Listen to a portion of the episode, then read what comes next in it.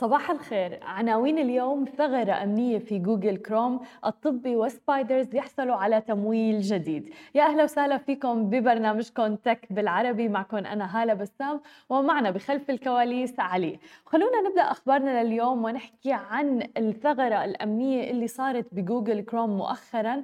حذر المركز الوطني الإرشادي للأمن السبراني في المملكة العربية السعودية جميع مستخدمي متصفح جوجل كروم بشأن ثغرات شديدة الخطورة الخطورة في المتصفح.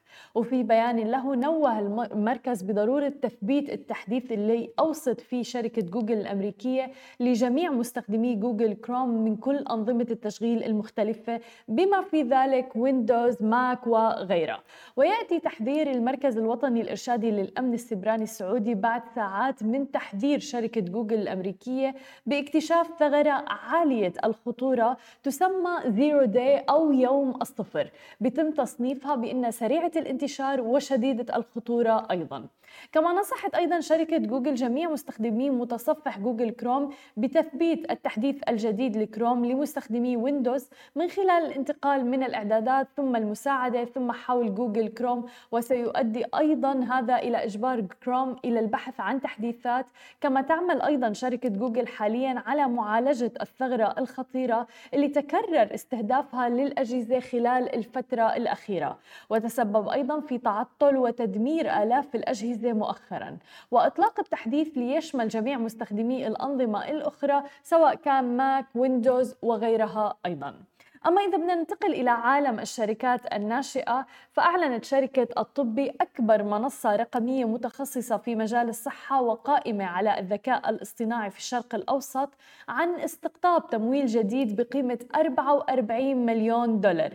وهذه كانت واحدة من أكبر جولات التمويل الفردية لشركة تعمل في مجال تكنولوجيا الرعاية الصحية والطبية في المنطقة.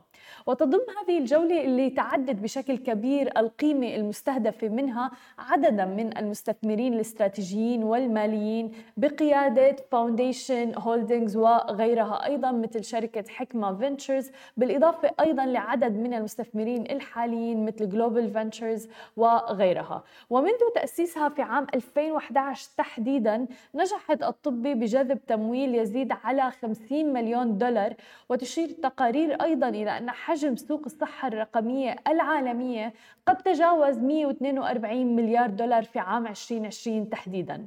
ومن المتوقع أيضا أن ينمو بأكثر من 17% سنويا حتى عام 2027 بينما يمكن أن يصل حجم سوق الرعاية الصحية والطب التطبيب عن بعد أيضا في الشرق الأوسط وشمال أفريقيا إلى 2 مليار دولار أمريكي في عام 2024 ومن اللافت أيضا إنه حوالي 400 مليون شخص في العالم العربي يفتقرون إلى الخدمات الصحية الأساسية بما فيها أيضا إمكانية الحصول على المعلومات والنصائح الطبية.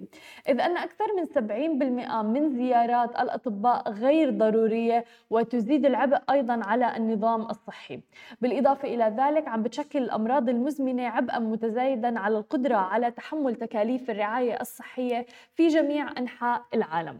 تعد الطبي أكبر مزود للخدمات الصحية الرقمية التفاعلية القائمة على الذكاء الاصطناعي مثل ما ذكرنا في العالم العربي حيث بتتمتع بنطاق انتشار واسع وحلول ابتكارية أيضا بالإضافة إلى ذلك عم تستضيف الطبي على موقعها أكثر من مليون صفحة للمحتوى الطبي العربي عبر الإنترنت وتقديم المعلومة الطبية الموثوقة لمن يحتاجها. وقد نشرت أيضا ستة أبحاث علمية خضعت لمراجعة الأقران في العام الماضي وحده. كما أجرت الشركة 4.5 مليون استشارة في مجال الرعاية الصحية عن بعد حتى الآن ولديها أكثر من 20 مليون زائر شهريا على المنصة. وتقدم خدماتها الصحية عن بعد على مدار الساعة طوال أيام الأسبوع في سبعة بلدان إقليمية مع أكثر من 1500 طبيب معتمد نشط على المنصة. وبتعتمد الطبي أيضا في عملياتها مثل ما ذكرنا على محرك ذكاء اصطناعي أنشأه فريق رائد من العلماء في البيانات والمهندسين والأطباء في الشركة. بيتميز هذا المحرك بقدرات فريدة جدا تسهم في تقديم الحلول المتكاملة للمرضى.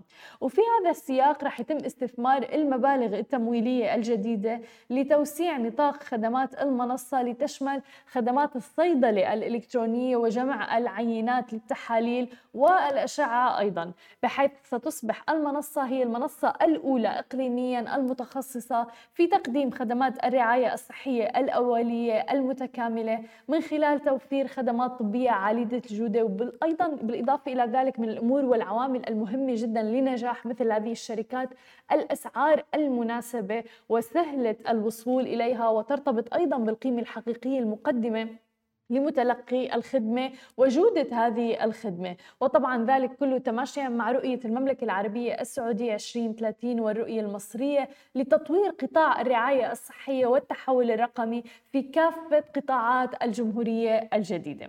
أما إذا بدنا ننتقل إلى آخر خبر معنا لليوم ونحكي عن شركة ناشئة أخرى أعلنت شركة سبايدرز السعودية للمركبات الكهربائية الصغيرة التشاركية عن نجاحها في إغلاق جولة استثمارية pre-seed قدرها 5.25 مليون ريال سعودي يعني تقريبا 1.4 مليون دولار أمريكي بقيادة وثيق المالية تأسست سبايدرز على يد المهندس مجد بيك وسلطان العسوني وعبد الله الشريف في بداية عام 2021 لتوفر خدمات التنقل عن طريق المركبات الكهربائية الصغيرة التشاركية اللي بتسمح للناس باستئجار المركبات من خلال تطبيقات الهواتف الذكية.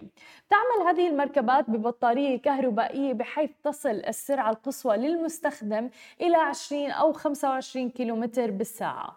تشير الشركة إلى أنها تهدف أيضا لتمكين الأشخاص من التنقل بطريقة سهلة جدا وبأسعار معقولة وصديقة للبيئة. تماشيا مع أحد أهداف رؤية المملكة 2030 وفي كل من برامج جودة الحياة وتطوير قطاع النقل أيضا.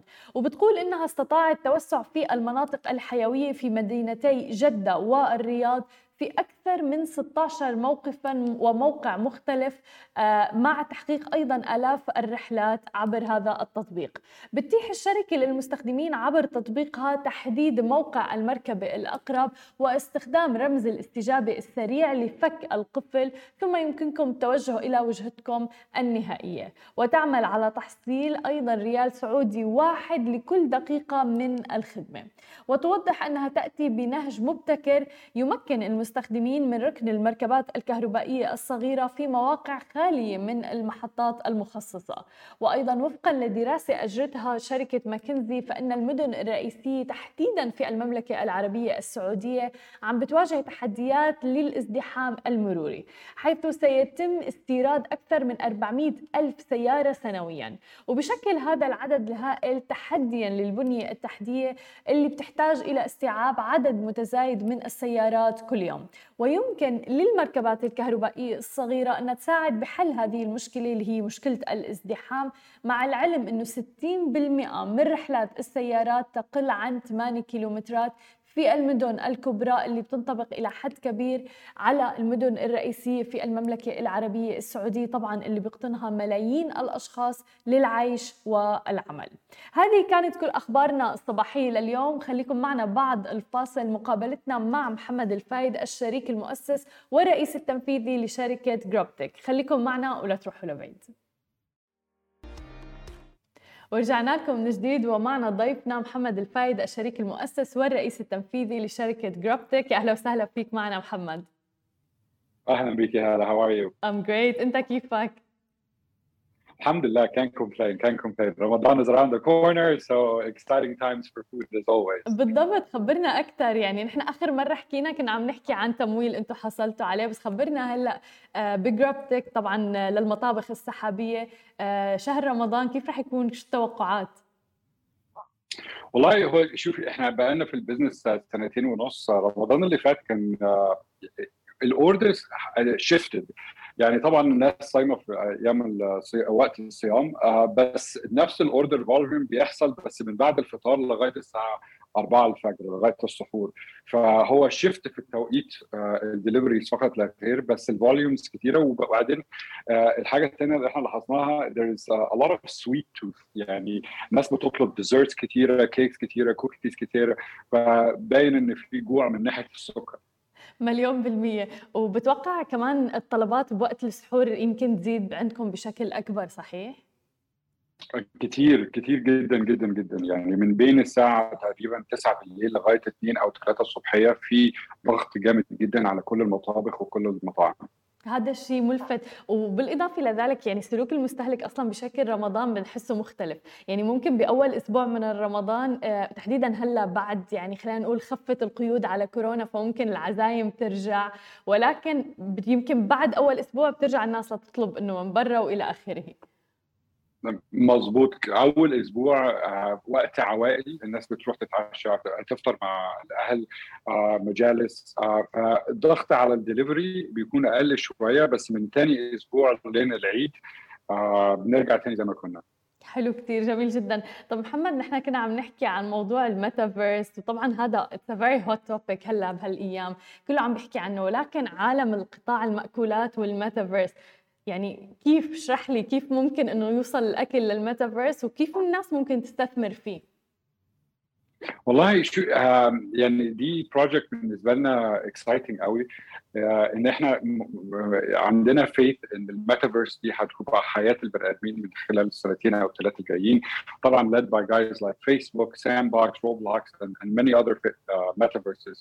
Uh, ال project اللي إحنا بنشتغل عليها دلوقتي هي إزاي نربط ال physical مع ال digital فلو بتلعبي لعبة في الميتافيرس أو shopping في الميتافيرس وعايزة تطلبي أكل بدل ما تطلعي بره الميتافيرس وتمسكي تليفونك وتطلبي الأكل على تليفونك وبعدين ترجعي تاني للميتافيرس إيه يمنع إن انت تخشي في أفضل مطعم ليكي جوه الميتافيرس تبصي على المنيو أكنك جوه المطعم really بس in virtual world وتطلبي اللي انت عايزاه. عايزاه ويجي لك الأكل لغاية البيت. فهي طريقه آه، طلب آه، الأكل بدل ما نستخدم تليفون طلبات اللي Uber Eats أو إلخ بتكون داخل الميتافيرس integrated فبيحصل إن اولا مش لازم تطلعي تاني حاجة الافاتار بتاعك جوه الميتافيرس مسجل فيه ال payment types بتاعتك مسجل فيه عنوان البيت عنوان المكتب أي allergens عندك زي مثلا peanut allergens anything like that. فبس إن أنت لما بت interact مع المطعم وت interact مع المنيو بتكون مخصصة ليكي ولما ت grab virtually طبعا الساندويتش أو ال fries أو البيتزا ده بي trigger an automatic order وخلال نص ساعة الأكل بيوصل لغاية عندك في البيت. فبيكون cohesive and coherent experience جوه الميتافيرس. wow شايف تعابير وجهي بتوقع. yes, I know it's a lot. It's a lot to grasp. Yeah. Um, بس إحنا لسه في بداية ال... بداية اللعبة بتاعت الميتافيرس يعني فتهيؤات الميتافيرس النهارده هتكون مختلفة تماما عن سنة كمان أو سنتين. طيب وهل تتوقع إنه ممكن ندفع مثلا بال cryptocurrency لحتى نحصل الأكل مثلا اللي نحن عم نطلبه بالميتافيرس؟ أكيد أكيد.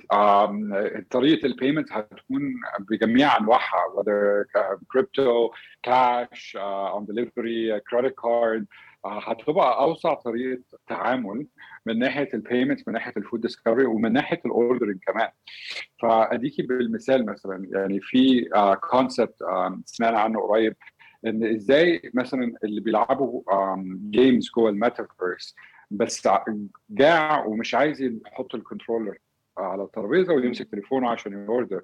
إزاي إن هو جوه ال game نفسها يعدي مثلا على ماكدونالدز أو بيتزا هات أو دومينوز ويطلب اللي هو عايزه جوه ال game ويكمل لعبته والأكل هيجيله.